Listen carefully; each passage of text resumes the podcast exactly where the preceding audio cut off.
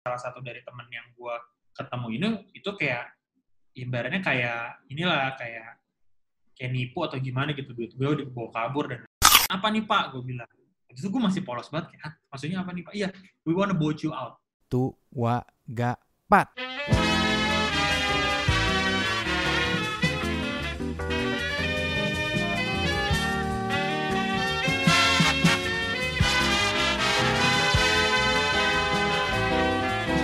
Anda sedang mendengarkan The Bernhard Para Show. Gue lanjut lagi nih, masih bareng uh, Evan Sebastian, Wih. Uh, co-founder dan VP komersial dari The Fit Company. Yap. Oke bro, nah uh, tadi kita udah bahas soal bisnisnya, dan sekarang gue mau bahas tentang lo-nya nih. Gue pengen lebih fokus lo-nya sebagai pengusaha, sebagai pebisnis gitu ya. Ya. Nah, lo itu uh, lulus tahun 2016 ya? iya Lulus 2016, kuliah dari 2011 di jurusan marketing. Oke. Satu pertanyaan dulu. Saat lu di jurusan marketing, apakah lu pernah belajar bikin aplikasi? Enggak. Nggak pernah, oke. Dan sa- selama lu kuliah, tapi lu udah ikut beberapa job-job gitu lah ya intinya. Lu ada beberapa job yang lu ambil kan ya. Dan banyaknya, gue lihat lebih ke uh, merchant acquisition, sales, dan lain-lain ya. Yap. Oke. And then, gue 2016, gue lihat di LinkedIn lo ada Tarkam Apps. Lo bikin aplikasi. Yap. Di mana aplikasi itu um, menjelaskan tentang kalau lo pengen main uh, futsal, lo nyari teman, lo bisa lewat situ. Betul. Dan actually, sebenarnya, gue sendiri juga udah pernah bikin itu di 2014. Oh. Tapi nggak sesukses lo lah intinya. Karena waktu itu gue bikin bener-bener coba buat proyek kampus untuk menemukan kalau lo kan spesifik bola. Karena lo sukanya bola kan, balik kayak iya nggak sih? Gue, karena gue suka basket, gue bikin buat basket. Hmm. Nah, namanya join bareng. Jadi waktu itu di kampus gue kalau misalnya gue mau main basket di taman tuh susah. Gue pakai aplikasi itu untuk sama teman-teman aja untuk eh, kerjaan kampus lah. Nah tapi lo kan menseriusi itu nih setelah kampus, ya kan? Ya. Coba ceritain dong gimana perjalanan lo dari bikin itu dari mungkin lebih yang lebih dalamnya nih dari mulai kayak orang-orang yang lo grab siapa, modal yang lo keluarin berapa sampai dapat investor dan lain-lain itu gimana sih? Iya, ya benar sih kayak gue kalau gue bilang gue ngerasa di kuliah kayak gue nggak belajar banyak sih. Oke, oke. Tapi ap- ada kan yang lo dapat dari kuliah yang berguna sekarang? Enggak juga. ya kalau ditanya ada nggak ada sih kayak gue Oke, teman-teman gue sih dari teman-teman kuliah sih. oke. Enggak, tapi lo, lo bikin Tarkam itu teman-teman mana nih? Atau lo sendiri aja bagaimana? Sendiri. Kalau yang tarkam itu gue sendiri aja. Oh, lo sendiri. Nah, untuk bikin aplikasinya dan lain-lain gimana? Jadi mungkin gue ceritain dulu. Oke, Gue mulainya tuh sebenarnya kan gara-gara gue waktu kuliah itu udah sambil kerja. Bu. ya. Gue kuliah sambil kerja dan gue memang sebenarnya gue nggak begitu suka sama keadaan di kelas lah. Hmm, Gue banyak bolongnya juga dulu. Bahkan oke, kan gue gue kuliahnya telat gitu. oke. Gue ibaratnya gue telat setahun lah. Waktu itu ada isu lah, cuman gue kayak nggak perlu ceritain di sini. Ya, nggak perlu lah. Cuma intinya, gue intinya kayak ya gue dari dari zaman kuliah udah kerja sampai akhirnya kayak gue eh gue tertarik sama dunia startup. Oke, Karena ya waktu dari zamannya, ibaratnya waktu zamannya kerja masih gini loh, zaman zaman 2000 2012 2013 siapa sih yang mau nerima orang kerja kalau belum punya ijazah? Iya, iya. iya. Jadi kayak gue, gue juga bingung. Sampai akhirnya itu, singkat cerita, gue ketemu satu company startup yang pertama kali bantu kerja, namanya Gipudi. Dia willing untuk bayar gue full time, walaupun gue masih kuliah. Apa namanya, sorry? Namanya Click Today. Click Today. Dan itu, tapi lo kerjanya full time apa gimana? Jadi full time. Tapi karena waktu itu gue udah langsung kerjanya sebagai sales, sebagai merchandiser, ya itu pertama kali gue tahu kalau kerja itu bukan soal 9 to 5. Oke, Yang pokoknya dia tahu, yaudah nih, lu ada target, lu kelarin gitu. Oke. kerja. oke. Nah, udah, sampai akhirnya kenapa gue bikin Tarkam, gue gue cukup disupport sama eh, CEO gue yang dulu di Matahari Mall. Oke, jadi setelah lo dari Click Today, lo ke Matahari Mall itu kan ya? Enggak sih, sebenarnya ada panjang lah. Jadi dari Click Today itu gue pernah ke Living Social. Oke, Nah, dari Living Social ada satu company sampai akhirnya gue baru ke Matahari Mall. oke. Ya gitu. Nah, Matahari Mall itu sebenarnya company yang menurut gue bener-bener startup banget lah ngomong. Hmm. Ya ngomongin anak muda, ngomongin orang-orang yang di perusahaan, terus kayak yang zaman-zaman dulu rame kantornya keren dan lain-lain segala macam. Itu tuh gue udah rasain dari 2015 gitu. Oke, dan ya itu di situ ngefek nggak sih dengan dengan dengan beanbag, dengan colorful uh, office itu ngefek nggak sih sebenarnya? Kalau lo sendiri lo implementasi itu nggak di kantor lo sekarang? Sekarang sih enggak, karena kita pakai Oke, oke, oke. Waktu itu yang ditekankan adalah kalau startup, kalau buat gue pribadi ya, sebenarnya kalau gue melihat startup itu bukan soal keren-kerenannya, Hmm, tapi dulu gue benar-benar bikin tertarik sama startup adalah fleksibel sama responsibel. oke. Dalam arti kayak gue tidak terikat sama waktu, gue bisa ngelakuin apa yang gue mau lakuin, dalam arti waktu itu juga harus kuliah, sama gue bisa kerja. Oke. Oh kan, ya karena gue juga dulu aktif di sepak bola, aktif di futsal, pas zaman-zaman kuliah, ya gue mau semua gitu. Oke. gue merasa kayak ya udah nih ini gue mau bawa ke mana nih jadi awalnya gue bikin tarkam adalah gara-gara gue pernah bikin sekolah sepak bola Oke. 2015 itu tuh 2015 2016 itu gue bikin sekolah sepak bola Oke. jadi kayak gue bikin sama teman gue ngelatin anak-anak eh, terus kayak kita ikutin kompetisi dan lain-lain Sekolah sepak bola berarti itu awal mula lu mulai bisnis ya? apa Itu awal mula lu mulai bisnis atau gimana? itu udah keberapa ya kalau mau ngomongin bisnis banget awal-awal gue tuh mulai di 2011 tuh gue ekspor impor Oke, jadi lu awalnya ekspor impor dulu. impor baju bola KW dulu Oke, oke, oke, baik. Oke. yang bisa bayar kuliah gitu. Ya untuk buat bayar bisa bayar kuliah ya. Sorry tadi suara lo agak kurang jelas, Bro. Iya iya kayak gitu. Jadi itu itu bener-bener kalau mau ngomongin bisnis gua awal tuh di situ gitu loh. Di dulu zamannya kaskus lah. Iya, iya, iya, iya, iya. Gue gua, gua dulu pernah dagang handphone, gue pernah ya pernah jualan apa pun MLM segala macam gue udah pernah cobain gitu loh. Oke. Iya udah maksudnya ya si sekolah sepak bola ini atau akademi ini ya udah another bisnis yang gue jalanin lah. Hmm. Terus ya udah dari dari situ ya gue ngerasa eh, gimana caranya ngegabungin yang jadi hobi gue atau nggak passion gue sama apa yang gue lakukan secara profesional Oke. gitu dan ya udah akhirnya gue terinspirasi dari kayak eh, gue sih ngelihatnya adalah gimana caranya mengkonekkan eh, orang-orang yang pengen main bola tapi nggak tahu ibaratnya mereka nggak punya lawan atau nggak mereka nggak punya tempat main Oke. nah cuman fokusnya di mana ya fokusnya di sepak bola ya akhirnya gue munculin lah si Tapo. Oke. lu lu anak binus kan dulu kan Bukan, bukan, gue bukan anak binus. Gue pernah dapat award best businessman dari binus.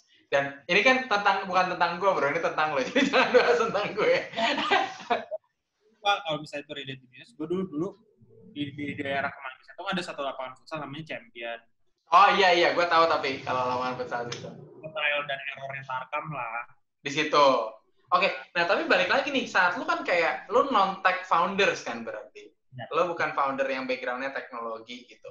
Nah, saat lu non tech founders, lu pengen bikin aplikasi, gimana sih? Mungkin yang lain juga banyak yang pengen bikin aplikasi juga kayak lo gitu dan punya masalah. Gue nekat aja sih sebenarnya. Dalam arti apa? Kayak dulu oke pengen punya pengen bikin startup. Gue bener sama yang lu bilang. Bahkan gue selain non tech founders, gue juga non non bisnis background yang benar-benar paham bisnis. Iya, iya. Gue di titik itu waktu bikin Tarkam, gue tidak pernah tahu istilah bisnis model. Mhm. gue tidak pernah paham istilah paid marketing, gue tidak Hmm. pernah paham istilah finance. Oke, Like gue pakai tuh dulu konsepnya ya bisnis kaki lima. oke, Gue punya modal berapa, gue beli barangnya, gue jual lebih mahal. That's all. oke. Simpel itu. Jadi nggak cuma tech doang, gue bener-bener dari yang bukan bukan sesuatu gitu. Tapi ya karena dulu startup, bener-bener yang paling gue lakukan adalah gue ikut event-event startup itu serajin itu dulu.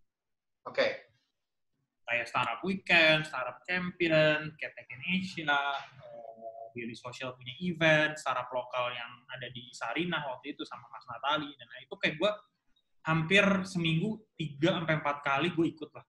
oke. Dari yang cuman kenalan, dari yang cuma dengerin sampai sampai gue pernah ikut kompetisi namanya Elevator Pitch. Oke, Gitu. Ya udah balik lagi waktu Elevator Pitch itu gue jualnya tarkam, gue mau bikin tarkam gini-gini segala macam. Tapi Gua itu kan lo, lo tadi ngomong tuh, gua pengen. Berarti kan belum jadi kami kan. Belum Oke. jadi.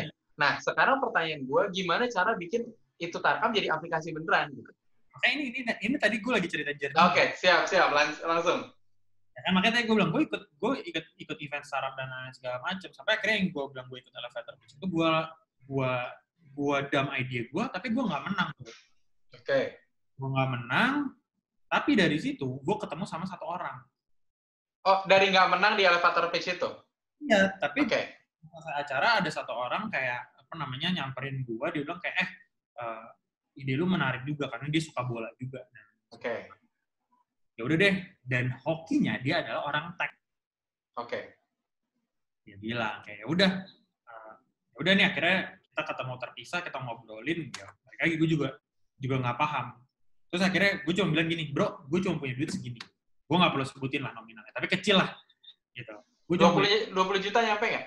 nggak nyampe kayak gitu Nggak, itu dengan, nggak, karena gini, kenapa ini menurut gue penting? Karena Hmm. orang kan takut buat bikin bro gitu loh, karena oh iya gue bukan non-tech founder, gue nggak, nggak ngerti bisnis, sekarang gue pengen bikin bisnis, uang segini tuh bisa jadi apa gitu misalnya kan. Nah, mungkin itu penting bisa nggak lo kasih range-nya aja deh, dan itu jadi apa dari uang itu? 15 jutaan lah 15 juta untuk bikin produk sampai jadi. jadi intinya gue bilang gue cuma punya duit segini lu bisa nggak develop Oke. bahkan waktu itu gue tidak berpikir harusnya kalau gue pinter gue bilang ya udah lu gue jadiin founder aja Co-founder ya berarti ya? gue Iya. gue gue- tapi kan tapi kan kayak gitu tuh gue takutnya adalah gue cuma jual janji. Iya, iya. Karena ada komitmen di situ yang harus dijaga lagi, balik lagi. gue dari dulu orang gue nggak mau kayak oh ya udah sekedar teman tapi gue nggak punya value. Ya udah bilang nanti gue fair fair nih gue punya duit segini kira-kira cukup nggak buat kita investasi bikin barang dan lain Nah, dia okein. Dia okein dan akhirnya dia ngerekrut beberapa temannya yang dari situ akhirnya jadilah benar-benar eh, tim awalnya Tarkam. Waktu itu ada sekitar 3 sampai 4 orang oke. Jadi 15 juta itu bisa buat nge-hire 4 orang lah ya. kayak begitu Oke. terus ya udah akhirnya berjalan itu pun sebenarnya nggak smooth enam Oke. bulan pertama gue bahkan nggak sampai enam bulan sekitar tiga bulan empat bulan kan gue tanyain terus kan dan ternyata adalah salah, ada salah satu dari temen yang gue ketemu ini itu kayak ibaratnya kayak inilah kayak kayak nipu atau gimana gitu duit gue dibawa kabur dan lain-lain segala macam Oke. Jadi akhirnya mundur tuh kayak udah tiga bulan empat bulan nggak ada hasil Nol. nol nol Oke. kayak Oke. akhirnya gue ngobrol sama dia gimana nih ya ya gue bilang ya kalau memang nggak bisa ya duitnya dibalikin atau gimana tapi akhirnya dia bilang ya udah deh gue mau tanggung jawab Karena lu bayar di depan ya? udah dari depan Oke, oke. jadi kayak apa namanya ya udah akhirnya dia ngeri grup lagi dia ada masukin satu orang baru kayak gitu ya udah akhirnya itu jalan akhirnya sekitar kalau nggak salah empat bulan deh jadi jadi prosesnya empat bulan sampai akhirnya bener-bener MVP pertamanya Tarkam itu keluar Oke, MVP itu BTW minimum vi- viable product ya? ya Ya. Tapi itu udah berupa aplikasi? beberapa aplikasi Oke, di Android? di Android Ya, kayak gitu oke. terus ya udah gue inget banget itu tuh gue gue live as an application as an MVP itu di bulan Maret 2000 Maret 2016 kayak gitu Maret 2016 uh, aplikasinya live ya udah kita naik. Lagi kan gue bilang gue nggak paham bisnis model dan lain segala macam akhirnya timnya juga nanya nih ke gue kayak oke nih gimana? Gue bilang ya udah deh. Karena waktu itu gue masih kerja tuh. Gue bilang ya udah dari gaji gue gue gue kasih sedikit lah buat kalian. Itu gue ya gue open aja kayak waktu itu satu orang pengen gue cuma bayar dua juta. Oke. Per bulannya ya? Ini per bulannya gitu kan. Terus ya udah akhirnya jalan-jalan tapi gue juga kayak hampir berapa bulan kan Tarkam jalan tuh.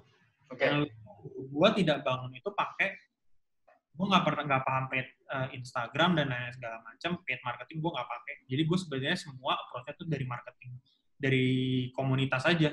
Karena gue masih main gue punya kenal teman-teman dan lain sebagainya gue masuk ke komunitas dari situ. Bersyukurnya kayak cuman dalam waktu kayak waktu hampir tiga bulan tuh gue hit sampai 4000 downloaders Tiga Organ. bulan pertama? organik Oke. dan ya udah berjalan tapi gitu kayak mulai mikirin ini dapat duitnya gimana ya nggak bisa nih gue terus-terusan ngegerus tabungan Iya, iya. udah akhirnya belajar lagi ikut event bilang kayak lo harus bikin namanya pitch deck Hmm. lo harus bikin pitch deck lo harus bikin kayak bisnis plan dan lain-lain segala macam yang gua balik lagi belajar pun otot tidak Oke. sebenarnya sih ada mata kuliahnya gitu di Oke. kampus itu tidak pernah ya baik lagi karena gue tidak suka ruang kelas dan lain-lain, gue tidak terlalu memperhatikan lah. Oke. Tapi BTW gue mau ngasih tahu juga nih buat yang nonton video kita. Pitch deck dan lain-lain itu sebenarnya konten edukasi kayak gitu gue juga bikin bro Hmm. di website yang namanya Dididik. Jadi mungkin teman-teman kan dari tadi mungkin nggak tahu tentang bisnis model Canvas tuh apa, bisnis uh, apa, minimum viable product tuh apa, atau misalnya kayak uh, pitch deck itu bisa nonton juga di dididik.com di didik.com. Jadi maksud gue biar nanti mereka nonton video kita selanjutnya nggak nggak skip gitu loh. Ya, ya. Oke, nah oke, nah terus lo kepikiran untuk uh, bikin uh, aplikasi ini bisa menghasilkan. Ya. Nah gimana tuh? Nah, ya udah akhirnya kayak udahlah maksudnya kita pikir kayak gua gua gua mungkin nggak bisa terlalu jelasin detail karena bakal jadi panjang banget. Oke, Karena gitu. Cuma intinya adalah gua gua gua gua udah udah rangkum itu sebagai satu bisnis dan lain. Akhirnya gua mulai fundraising. caranya gimana? Gue bersyukurnya gue cukup tahu LinkedIn itu di early early stage-nya mereka ada apa uh, develop as an app kan. Iya, iya. Terus akhirnya gue gue banyak aktif di LinkedIn. Gue dulu tuh suka banget nulis artikel di LinkedIn dan lain segala macam. Jadi ya karena gue juga udah kerja di startup, mostly gue itu dari LinkedIn tuh pasti pemain-pemain di startup. Hmm. Gue mulai paham istilah venture capital, gue mulai paham istilah angel investors dan lain segala macam pun gara-gara gue harus fundraising. Oke. Nah, ya udah gue udah bikin pitch deck. Yang gue lakukan adalah ya gue grilly aja di LinkedIn. Gue tahu nih misalkan ada orang title-nya uh, investment analyst, kalau nggak title-nya uh, partner at apa kayak apa ventures gitu. Gue email aja. Gue gue message. Gue bilang gue kasih tau gue punya startup gini-gini segala macam. Yang gue cukup kaget adalah waktu itu yang nge-reply gue adalah is ventures. Oke, oke. Gitu loh. Oke. Jadi kayak eh, di email kayak eh ya udah eh, coba dong kirimin deck-nya by email. Akhirnya udah kita tektokan by email. Kayak sekitar seminggu kemudian gue datang lah ke ke company-nya mereka. Oke. Itu kantornya masih di yang di Maja tuh. Oke. Gue ketemu ya udah gue gue pitching lah, pitching dan segala macam. Itu gagal total. Oke. Itu gagal total. Itu dibilang kayak lu lu dibilang kayak lu sebenarnya mau bikin apa sih? Kayak dibilang kayak satu dibilang market di Indonesia apalagi sepak bola dibilang ini kecil banget, niche banget. Hmm. Jadi kayak how how you can sure that you can make money from this uh, thing gitu loh. Oke. Oh. Gue, gue juga- Padahal fans sepak bola kan banyak banget di Indonesia. ya. iya, gue pun di situ juga gue nggak, gue juga sebenarnya jawabannya masih hangeho gitu loh. Oke. Cuma Waktu kan yang ditarget ini, gue targetnya adalah gimana ngebantu orang yang pengen jadi pemain bola. Oke. Tarkam itu sebenarnya konsepnya gue pengen bikin selain yang matchmaking, gue pengen bikin jadi kayak LinkedIn-nya buat atlet. Oke. Oke. gitu. Nah intinya adalah ya dia bilang kayak ini gimana make money dan lain segala macam. Dia bilang kayak kenapa nggak lu eh, masuk ke semua bidang gitu, jangan sepak bola doang. Oke. lu punya market lebih gede. Bahkan kayak gue ditanya, oke ada another business model nggak? Gue bilang aja kayak make money-nya kan kalau orang download dari Google Play Store atau enggak eh, apa namanya App Store kita dibayar. Itu jawaban paling goblok gue sih jujur aja Oke. Oke. Oke. "Oh, kayak, ini ini nggak make sense dia bilang kayak misalnya kayak uh, dia nanya kan lu kerja di mana sih Bilang kayak ya udahlah you you build your career aja di startup Oke. ya di situ gua sempet down di situ kayak waktu itu one of my friend tuh yang company gua gitu kan Hmm. Kayak anjir apa memang gua nggak bisa bikin company ya Oke. tapi maksudnya dari yang i, gua gua pitch ke EV itu gue juga menyadari sebenarnya talking about investment, talking about fundraising itu lu harus cocok-cocokan. Dalam arti apa? Ketika lu ketika lu mau pitching your idea, lu harus tahu portofolio si isinya ini apa. Ya, Sesuai fokus fokus segmennya dia apa juga kan. portofolionya relate nggak nih sama bisnisnya. Maksudnya ta- kalau ternyata dia playnya udah fintech semua, lu Iya. mau datang sebagai sport ya nggak masuk gitu. Karena itu bukan Iya. gitu. Iya. Karena balik lagi, gue juga makin menyadari visi itu eh, makin ke sini bukan cuma sekedar nilai uangnya sih yang lu lihat. Lo harus lihat si visinya itu bisa bantu lo untuk apa ya, untuk expand dari segi network apa enggak. Intinya jangan cuma uangnya lah ya. Karena Iya. mentoringnya, expandingnya, networking itu juga penting juga dan signifikan ya. Nah dari situ sebenarnya ya udah gue bilang, gue bilang gue gue nah di sini gue lumayan lumayan jual janji nih ke tim gue. Gue bilang kayak udah pokoknya kita jadiin dulu aja, kita jadiin app-nya.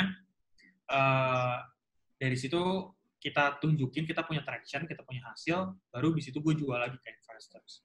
Oke. Ya pokoknya long short ya udah gue jalan bener-bener masih by my own bootstrap sampai akhirnya uh, bulan ke 10 itu gue investment gue gue masih pitching kayak gue pitching ke SMDV gue pernah pitching ke Jarum juga gue pernah pitching kalau Jarum sama i Jarum itu sebenarnya yang paling mendekati untuk gue bisa diinvest karena kan sendiri Jarum kan dia supporting Iya, iya, bola.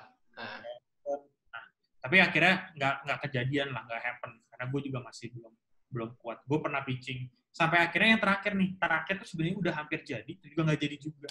Oke. Gue pitching JNE. Jadi kalau waktu Pitching itu ke mana, sorry? Suara kurang kedengeran tadi. JNE JNE. JNE Logistik. Nah, JNE logistik dia dia dia kan invest di di ini kan klub basket. Oke. Oke.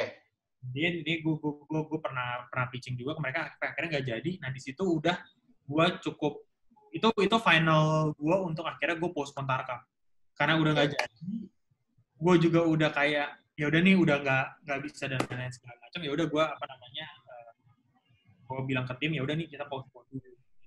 Dan actually, ya kalau lu bilang kayak tadi Tarkam sekarang sebagai statusnya gimana secara sistemnya sih akhirnya waktu itu gue jual ke temen gue Oke. gitu. Cuman secara brandnya dan lain-lain gue masih pegang. Oh, aplikasinya yang lo jual ya berarti ya?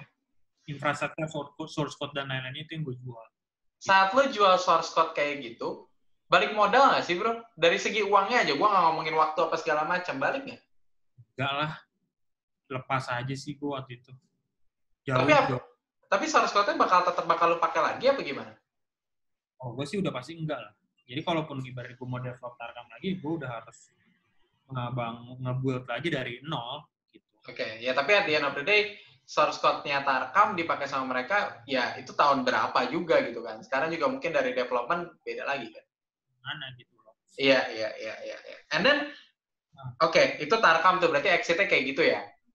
Kayak gitu. Nah, Itu akhirnya yang dari situ gue, apa namanya, gue balik lagi ke profesional, terus gue gojek kayak gitu. lo masuk Gojek, terus lo ke GoPay. Yap. Iya kan? Nah, terus abis itu, abis Gojek, GoPay, lo karir lagi, ya lo ngerasa lo tadi kan kayak susah dan lain-lain lah, bikin-bikin suatu bisnis lah ya, lo udah ngerasain ke visi dan lain-lain. Even itu pahit, tapi kan experience-nya lo pasti nge-drive untuk kayak yang sekarang kan? Nah, Gitu. Terus gimana nih transisinya dari kerja di Gojek atau GoPay? Gue nggak mau terlalu bahas di situ. Tapi transisi ke saat lu uh, bikin Fitco. Itu Yap. apa yang membuat lu kayak, oh ini gue lagi karir, tiba-tiba gue mau bikin lagi deh gitu apa? Sebenarnya gara-gara gue gatel aja sih kayak ibaratnya gue gue melihat kayak ya udah cuman cuman kerja ibaratnya kayak cuman cuman gue jadi profesional itu tidak men-challenge diri gue gitu loh. Hmm. udah nih misalnya kayak contoh lah paling gampang udah malam misalkan kayak nggak ngapa-ngapain kayak nggak ada yang bisa gue lakuin nah, akhirnya waktu itu ya itu gue gue cuma buka notebook gue gue lihat yang dulu gue develop tarkam dan lain-lain segala macam terus kayak gue oke eh, cuman gue olah lagi aja sih feedback feedback dari investors sampai akhirnya ya itu waktu itu kan problemnya adalah Bitco dibilang marketnya terlalu kecil Oke. eh sorry Tarkam dibilang marketnya Tarkam. ha. Tarkam dibilang marketnya terlalu kecil terus kayak nggak tahu how to make money-nya revenue streamnya dari mana itu gue nggak tahu sama yang Oke. ketiga kayak eh aim-nya nih mau apa exit strateginya tuh mau gimana Oke. udah akhirnya ya long story short dari ide ini akhirnya gue bikinlah si Fitco Oke. yang gimana bener-bener masuk ke semua olahraga. Dulu awal banget Fitco itu gue gue berapa kali pivot sebenarnya. Oke. Awalnya tuh gue mau bikin kayak modelan Wave gitu loh. Oke. Soalnya gue taruh kayak QR code doang di gym gym gym gym atau enggak tempat fitness. Lu scan QR code-nya lu dapat poin. Oke. Ya itu ya aplikasi application based banget berarti kan? application based. Oke. Intinya adalah gue mengencourage orang untuk lebih aktif dalam workout. Oke. Tuh, tapi gue dam ke teman gue yang punya kayak Muay Thai Camp kayak ya kalau gitu benefitnya apa buat gue? Misalkan dia udah nge-scan, nge-scan, nge-scan, nge-scan di gue, taunya dia malah pindah ke tempat lain. Oh oke, make sense. Dari situ gue rubah. Sampai akhirnya, berarti kan cara gue untuk ngedapetin poinnya yang gue rubah. Nah berarti gue di situ mikirin cara dapetin poinnya gue rubah nih ke lari. Oke. Jadi gue pernah bikin aplikasinya tuh sebenarnya kayak Nike Training Club gitu, kayak Aha. bisa lari lu, dia lari-lari-lari dari berapa menit sama berapa lama dia lari, itu jadi poin. Oke. gue pernah trial itu di GBK waktu itu sekali works tapi problemnya adalah orang dulu ke GBK nggak sesering sekarang Iya, jelas. 2017 tuh Iya, Oh. iya. mau mau Asian Games gitu kan. Nah terus akhirnya ya udah mikir mikir mikir mikir mikir apa nih apa yang benar-benar bisa bikin orang tuh buka aplikasinya tiap hari. Makanya Fitco yang sebelum diakuisisi, aplikasi gue tuh simpel, lu jalan kaki. Dari lu jalan kaki, langkah yang terjadi yang dihitung sama si handphone itu gue convert jadi poin. Oke. Gitu. Nah, Dan- itu Lu diakuisisi itu saat kapan berarti? Saat Fitco ini udah jadi gimana gitu? udah jadi aplikasi sih. Aplikasi yang poin untuk dapat eh, apa dari poin itu bisa gua convert jadi apa? Nah, itu dia. Pertama kali banget partner gua itu 20 Fit. Itu partnership sistemnya ya. Kerja sama. Dan nama nama aplikasi lo Fitco. Tuh, Nama aplikasi lo Fitco, partner lo 20 Fit. 20 Fit. Dari nama branding mirip banget ya. Ya, makanya gitu loh. Oke. Jadi, jadi intinya ada dulu tuh gue bikin kayak 5000 langkah buat Hmm. dapetin satu kali trial 20 Fit. Oke, dan lu oke, lu balik lagi nih, gue belum terjawab nih. Lo bilang tadi harus make money kan? Yap. Make money-nya gimana? Nah, makanya kan kalau balik lagi make money kan nggak langsung make money di muka kan. Dalam arti yang gue bikin ini adalah sebenarnya new marketing channel Oke, buat bisnis-bisnis health industry. oke, Jadi yang gue jual ke mereka adalah apa? Ibaratnya kalau ntar orang udah jalan kaki dan mereka redeem produk kalian, itu ntar gue akan ambil fee. oke, Jadi tujuannya adalah apa? Gue nge-curate dulu market lu. oke, Jadi kan misalkan kayak, let's say lu taruh di uh, Groupon, lu taruh di Fave, lu taruh di apa namanya, dulu banyak ada deal aja dan lain-lain segala Ya, macam. intinya jualan kupon lah. Iya, intinya kan tapi kan marketnya lu nggak bisa segmentin kayak oh ya udah semua orang bisa lihat terus kayak dari situ lu berharap conversion rate-nya berapa gitu. Sedang, dan apalagi bukan conversion rate doang, tapi lo pengen dia loyal kan? Betul. Nah, makanya sebenarnya kayak tujuan gua ya mereka nggak perlu bayar apa-apa, tapi mereka cuma cukup jalan kaki aja. Oke, Karena dengan eh, asumsinya kalau orang udah jalan kaki, secara nggak langsung satu mereka lebih health enthusiast. Ya. Yang kedua, dia bener-bener willing jalan kaki cuma buat dapet your produk, berarti dia ya bisa jadi ya your future member yang loyal gitu. intinya memudahkan fit eh, 20 fit untuk mendapatkan member yang lebih loyal karena ya udah ya lebih di inilah target marketnya bisa lo lebih sediakan kan dari sini kan? Betul. Ya kan? Oke oke oke. Gen, lead gen, lead gen app lah. Gitu. Oke. Nah, berarti di, eh, lo yang aplikasi yang lo bikin itu diakuisisi. Yap.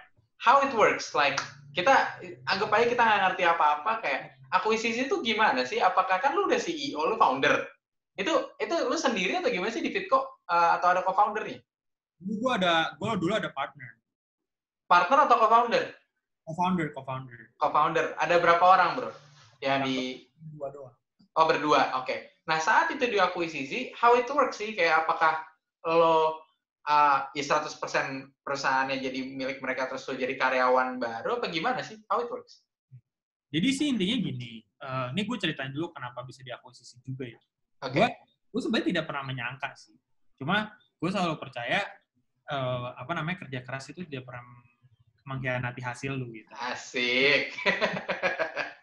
Kalau gue boleh cerita waktu gue quit dari Gojek terus gue bener-bener apa full time di Fitco itu gue juga sebenarnya nggak punya plan yang spesifik. Oke. Jadi akhirnya ya udahlah. gue cuma bilang waktu itu gue nggak pengen Fitco ini kayak Tarkam karena gue masih di dua kaki akhirnya gue nggak bisa serius gitu nggak bisa fokus. Oke. Udah akhirnya udah gue jamin aja lah kayak ya gue gue take no salary dan lain segala macam gue jalan hampir sekitar 6, 6 sampai 7 bulan gitu. Tapi lu udah nabung dari gaji-gaji lu sebelumnya kan? Gue nabung, gue gue cuma bilang ya udah nih lifespan gue cuma sampai bulan apa lah gitu. gue Oke. bilang. Nah jadi maksudnya kayak apa namanya eh, waktu gue waktu gue yang Fitco itu jalan kan ya udah eh, kita partneran, actually kan partneran nggak sama 20 Fit juga kan, tapi kita partneran sama beberapa brand juga yang memang Oke. ada. Nah. Oke. Eh, gue kalau bilang boleh bilang sebenarnya juga partnerannya tuh hasilnya nggak begitu bagus. Kayak berapa bulan kita kerja sama, ya redemption redemption rate-nya juga nggak tinggi lah. Oke. Ada tapi nggak nggak tinggi. Sampai akhirnya ya udah. eh, waktu itu sebenarnya gue ingat banget ini di bulan Juni sih. Juni 2000. Ini tahun 2015. 2019 tahun lalu. Tahun lalu. 2019. Oke, sorry tadi suara lo skip soalnya. Oke. Jadi ya kan gua tuh nge- nge-hire office di salah satu coworking space di Jakarta kan. Oke. Gua gua nggak nggak perlu mention nama, cuma Nggak gua perlu. Iya. coworking space terus nah karena waktu itu gua lagi mau lumayan mau agresif, gua nge-hire banyak intern. Oke. Kalau full time gua tidak mampu. In- Intern tapi lo gaji apa gimana sih, Bro? Gua gaji tapi Oke. gaji sangat minim. Iya. Iya. Gua kasih uang transport lah anggapannya. Iya, iya, iya. Dulu tuh office space gue tuh cuman buat tiga orang. Oke. Gua assume lo melebihi itu ya. Intern gue tuh total ada tiga, jadi gue di situ tuh ada enam orang. Oke. Nah, jadi jadi tujuh gitu. Terus kayak apa namanya? eh ya gue kayak ditegur tapi bukan diomelin, ditegur lah karena gue kan kenal Iya. sama si Pan udah kepenuhan lu, udah over overload kayak gitu. Ah, ah, Udah overload kayak lu pindah lah gitu kan, begitu. Nah, pindah terus kayak ya bilang iya pindah tapi duitnya dari mana nih? ah. itu kan actually Fitco masih bootstrap loh. Kayak Iya, iya, iya, iya. Gua, gua, gua pun bisa survive karena waktu itu yang co-founders gue dia chip in gitu. Oke. Eh, berapa banyak sih BTW untuk Fitco modalnya, Bro, waktu itu? Kita nggak banyak kok. Gua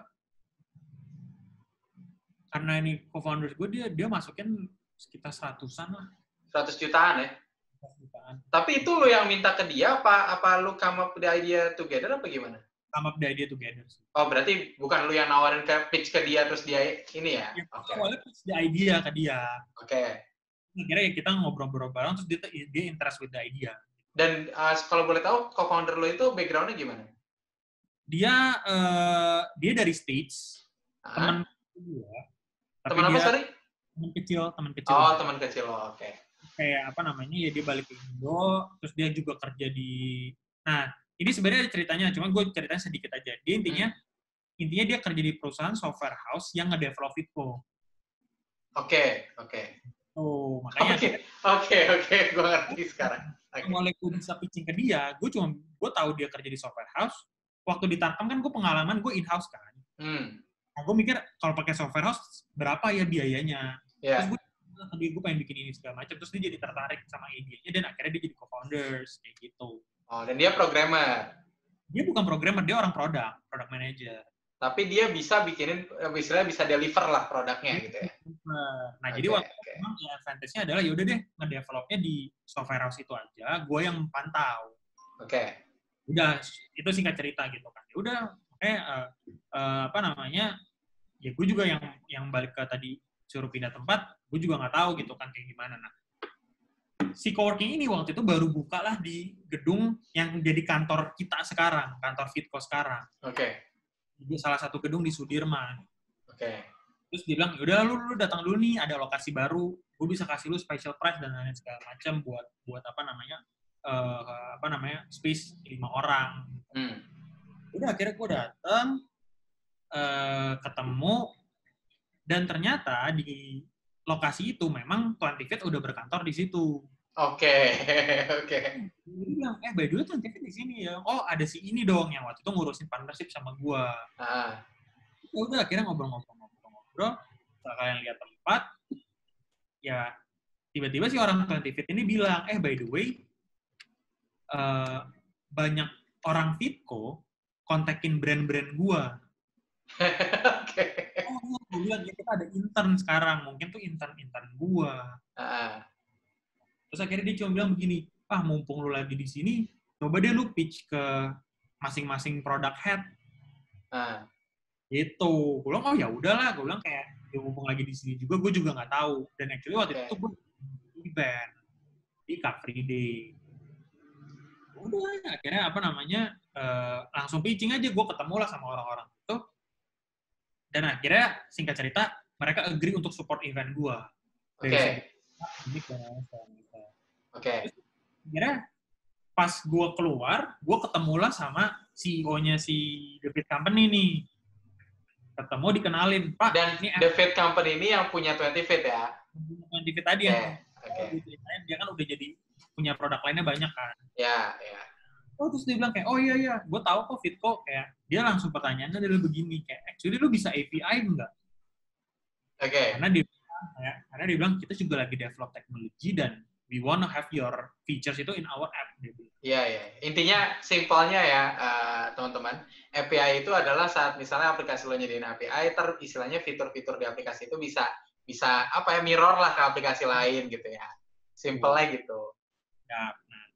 Jadi udah akhirnya oh ya udah waktu itu gue pede-pede aja baik lagi lah. Waktu Hmm. sales jualan aja gue bilang oh ya uh, I think we can do that gue gitu. Walaupun sebenarnya gue belum ngomong ke tim tech gue, gue nggak tahu gitu. Terus ya udah akhirnya kayak dari situ uh, kita tukeran kartu nama, kita cerita kita kontak-kontakan sampai akhirnya kita ketemu. Oke. Kita ketemu, gue ajak ke founders gue, pokoknya dia bilang kayak actually udah udah background check dan lain segala macam. Udah deh, dia bilang no bullshit. Dia bilang, "Uh, we wanna have you on the team. Hmm. we know ya maksudnya we know uh, the the progress of your company itu secepat itu. Iya, iya. Maksudnya apa nih Pak? Gue bilang. Itu gue masih polos banget kayak, "Hah? maksudnya apa nih Pak? Iya, we wanna vote you out. Oke. Gue merinding, gue juga merinding. Karena apa? Maksudnya waktu yang Fitco itu kan gue juga masih ngelakuin kayak fundraising kan. Itu tuh nggak dapat dapat. Oke. Tapi lu nggak ngomong kan, nggak dapet dapet. Ya enggak lah. Saat itu ngomong kan. Iya, iya. Ya, Oke. Wah, gue bilang, ah maksudnya gimana? Iya. kan. Kayak- Jadi kayak lu bisa develop Fitco inside the Fit company, kita grow this together. Karena maksudnya dari semua omongan yang ada, memang sebenarnya visinya sama. Dalam arti kita sama lah, waktu itu kan bilang kayak pengen bikin uh, Indonesia jauh lebih sehat dan lain segala macam. Kalau gue waktu itu simple, gue pengen bikin orang-orang tuh understand about wellness. Oke. Intinya singkatnya begitu. Terus, oh ya oke, plannya gimana dan lain segala macam. Terus ya udah, gue juga di situ kayak, oke pak, kalau nih, intinya dia tiba-tiba keluar ruangan, gue ngomong dong sama partner gue, kayak, mana nih dan lain segala macam. Kayak, "Ya udah, uh, coba aja ngomong dan lain segala macam gimana.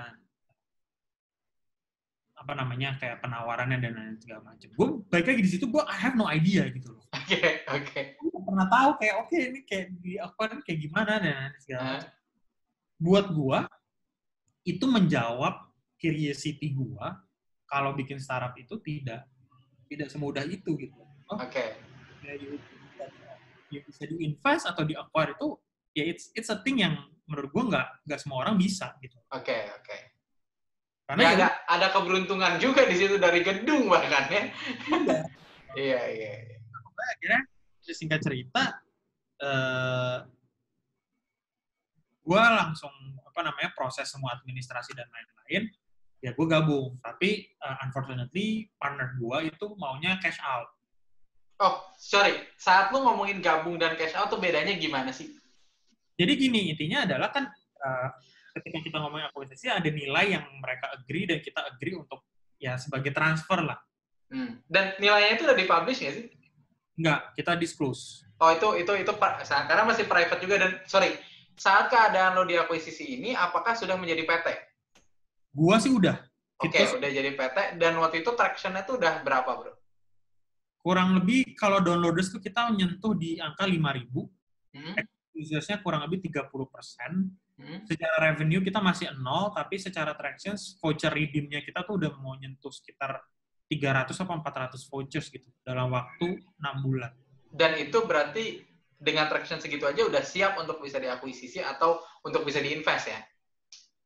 Oke. Dan makanya bedanya itu kebutuhannya adalah karena kan memang si David Company ini masih mau masuk ke aplikasi.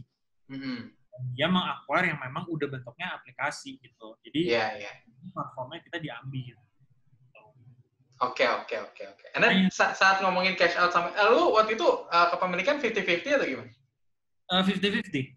50-50. Nah, berarti kan sama dong kalau misalnya lo cash out segitu, kalau kalau lo gabung tuh gimana sih? Ya makanya jadi kan sebenarnya simpel sebenarnya gini. Kalau dibilang acquire-nya acquire-nya dibeli perusahaan, ya kita bisa dibilang gitu. Tapi karena gue masih kecil, sistemnya itu sebenarnya kayak acquire hiring sih. Oke. Jadi kayak acquire hiring kayak ya udah tim gue ditarik semua untuk nge- nge- nge-develop Fitco. Nah, tapi partner gue yang tadi gue bilang partner gue tidak mau ikut, jadi akhirnya dia dikompensate seberapa ada nominalnya. Ya udah dia dia dapat cash out, ya gue continue the company gitu loh. Oke, Tapi- sorry, biar menarik nih bro. Ya. Saat lo ngomongin cash out, Ya itu itu effort kan tadi ya balik lagi effort modal ratusan juta keluar dari temen lo gitu kan istilahnya. Satu, kedua untuk bikin itu sampai tadi traction segitu berapa lama? Kalau in totalnya kayak berarti satu tahun lah. Satu tahun, berarti kan dia ngabisin waktu setahun, ngabisin uang juga, uh, istilahnya ya pikiran masalah banyak pasti namanya bikin bisnis kan. Nah, Hmm. saat di cash out, gue nggak mau nanya value-nya uang secara spesifiknya nih, karena gue tahu mungkin itu kan undisclosed, gue menghargai itu.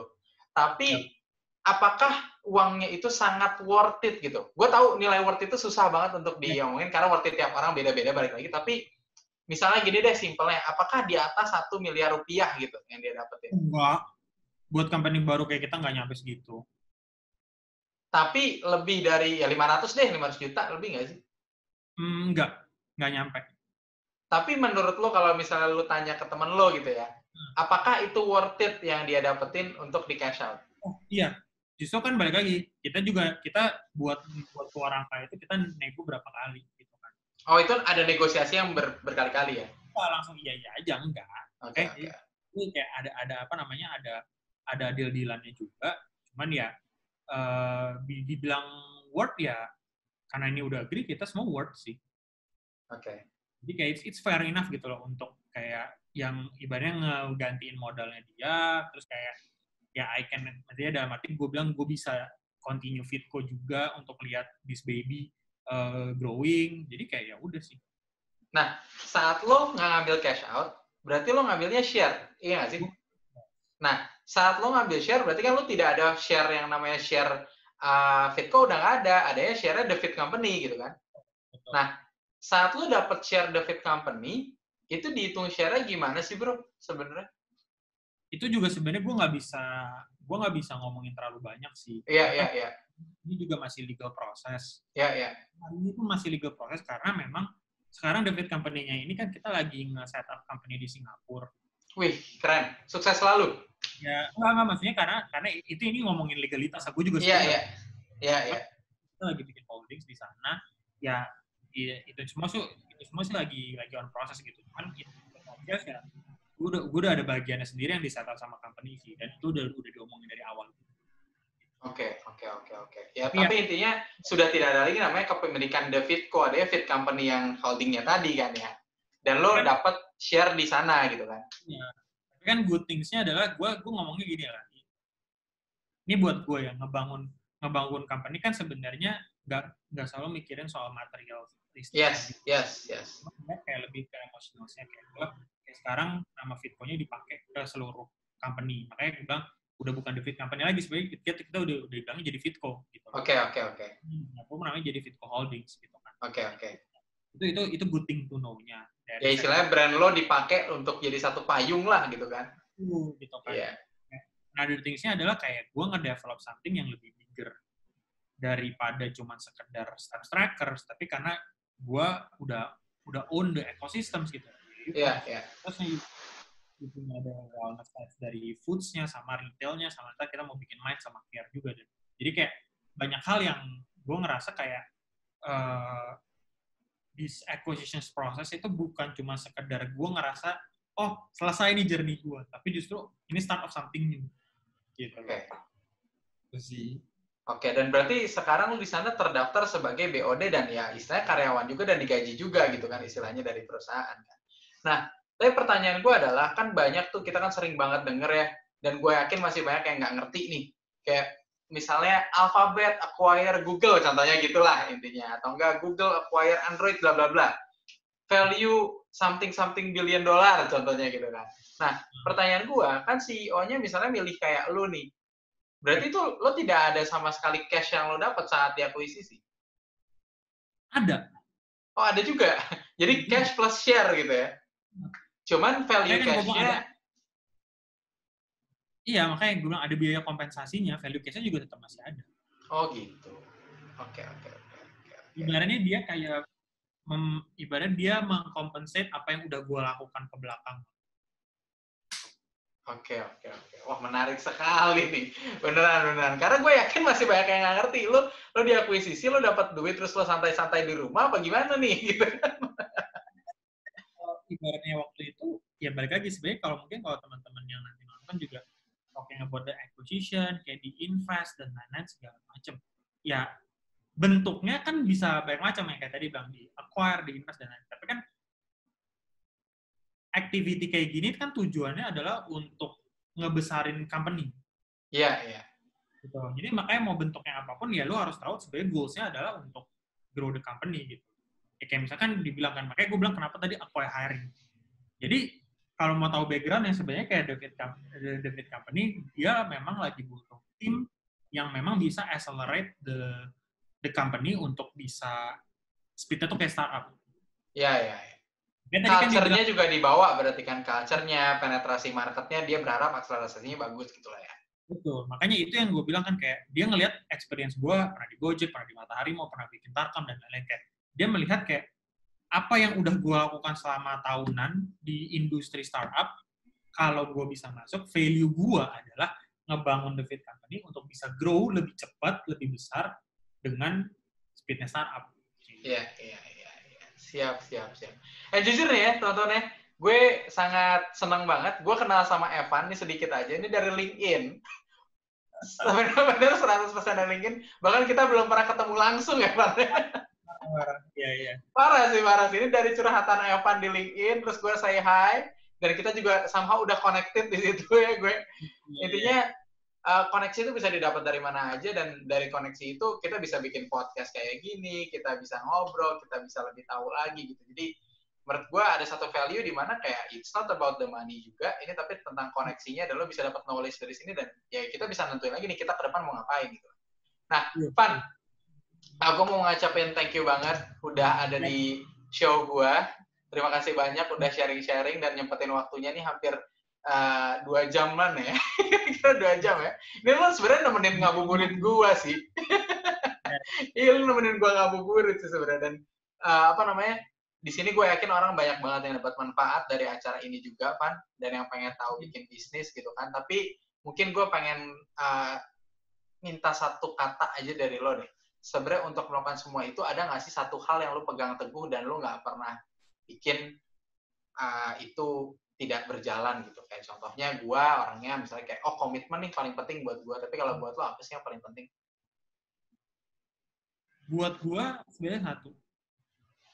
Dari semua pengalaman gua, modal gua tuh cuman nggak satu lah, modal gua tiga. oke. Nggak apa-apa tiga deh boleh deh Maksudnya modal, ini kan kita kan kita ngomongin kata kan. ya, Cuma ya. gue tuh intinya buat gue kerja itu jujur, integritas sama kerja keras. oke Menurut gue ini yang gue selalu pegang di mana pun ibaratnya gue sekarang ada di level VP atau dulu gue di level staff dan lain-lain. Ini yang gue selalu lakuin. Karena yang tadi gue bilang, gue gue gue gue mengakui diri gue tuh tidak pintar. Gue bukan tipikal orang yang smart ass gitu loh, kayak geek atau apa segala macam. Bahkan kayak kuliah gue aja berantakan gitu. oke Jadi kayak makanya jadi kayak gue gue merasa gue dari dulu ada di mana pun gue cuma selalu modelnya jujur aja. Selalu jadi orang yang ibaratnya kalau kalau ibaratnya kita nggak tahu nanya, kalau kita tahu kita ngajarin orang. oke Maksudnya ngajarin bukan berarti jadinya kayak ngedosenin enggak, tapi ya kita sama-sama ngebantu gitu.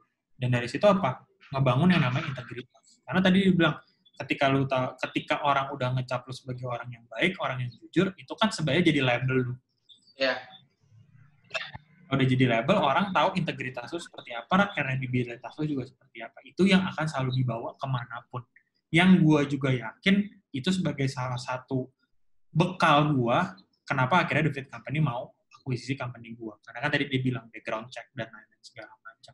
ya ya itu experience and everything yang yang dan semua yang udah lakuin itu matters gitu kan itu penting gitu nggak cuman karena lo bikin fitco-nya aja tapi dari pengalaman lo sebelum itu justru kan Dan Iya. yang terakhir adalah kerja keras. Bilang soal kerja keras, ada orang bilang jangan kerja keras tapi kerja pintar. Jadi jangan hard work apa jangan hard work tapi smart work.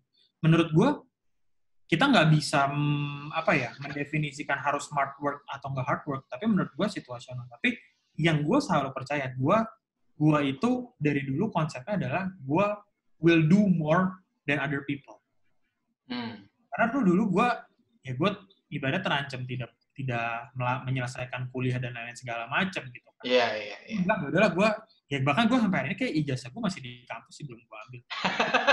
Oke, saya nggak pedulian itu loh ya soal itu ya. Kayak gue nggak punya ijazah nih, dalam arti kayak ya udah kalau orang bisa kerja 8 jam, gue bisa kerja 16 jam. Wih, mantap, Kalau orang mantap. basic kayak dulu kan gue kebanyakan di sales. Kalau orang sehari bisa bikin 8 meeting, gue harus bisa bikin 16 meeting atau lebih. Oke, orang bisa achieve 20, gue bisa 100. Maksudnya itu yang gue, ya bisa dibilang kompetitif, tapi gue push, gue harus kerja lebih keras daripada yang lain.